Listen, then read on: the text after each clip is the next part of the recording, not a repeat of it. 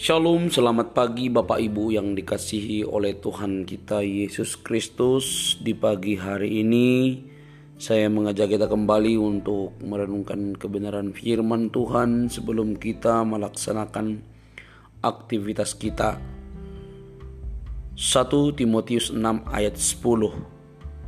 1 Timotius 6 ayat 10 dikatakan di sana, Akar segala kejahatan adalah cinta uang. Akar segala kejahatan adalah cinta uang. Di pagi hari ini saya mengajak kita untuk memikirkan tentang akar kejahatan. Alkitab memberi kesaksian yang eksplisit bahwa akar dari kejahatan itu adalah cinta uang Kata yang perlu digarisbawahi di sini bukan uang, tetapi cinta. Uang hanyalah salah satu alat pembayaran. Yang bermasalah bukan alat, tapi hasrat. Bagaimana seseorang memperlakukan harta menunjukkan bagaimana keadaan hatinya. Yang mengedepankan harta pasti telah meletakkan hatinya di sana Mari kita baca Matius 6 ayat 21 atau Lukas 12 ayat 34. Saudaraku yang dikasih oleh Tuhan, slogan cinta itu buta ternyata bukan hanya berlaku pada cinta asmara. Kecintaan terhadap uang juga telah membutakan mata banyak orang. Mereka tidak lagi mampu membedakan yang benar dan yang salah. Sungguh ada banyak orang karena cintanya terhadap uang mereka menghalalkan segala macam cara. Keuntungan diletakkan di atas kebenaran. Saudaraku yang dikasih oleh Tuhan, situasi inilah yang sedang terjadi pada sebagian orang Israel pada zaman Amos untuk kesekian kalinya Tuhan menegur orang-orang kaya di sana karena mereka melakukan ketidakadilan terhadap orang-orang miskin. Amos 2 ayat 6 8, Amos 3 ayat 9 sampai 10, Amos 4 ayat 1. Bapak Ibu boleh mengingatnya atau menandai di Alkitabnya lalu boleh membaca nanti secara pribadi bahwa Tuhan menegur orang-orang kaya di sana karena mereka melakukan ketidakadilan terhadap orang-orang miskin.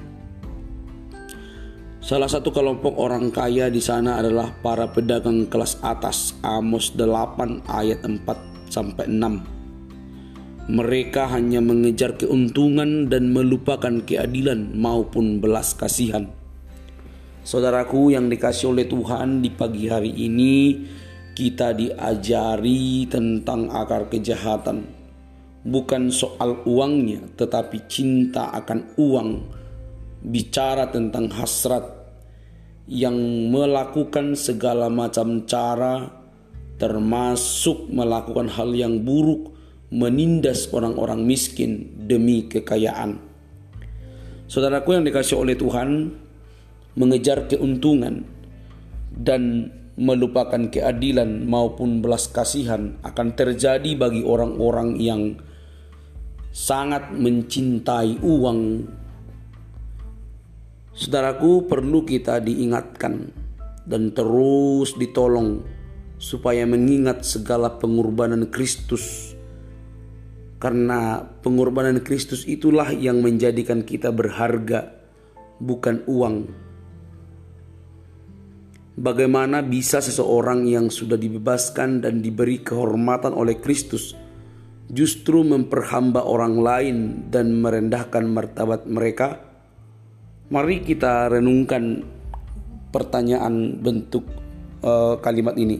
Kalimat bentuk pertanyaan ini. Bagaimana bisa seseorang yang sudah dibebaskan dan diberi kehormatan oleh Kristus justru memperhamba orang lain dan merendahkan martabat mereka.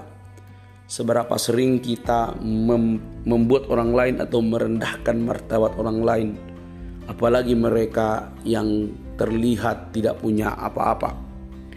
Saudaraku yang dikasih oleh Tuhan, ingat itu pengorbanan Kristus itu cukup untuk semua orang dan itu yang membuat siapa saja berharga.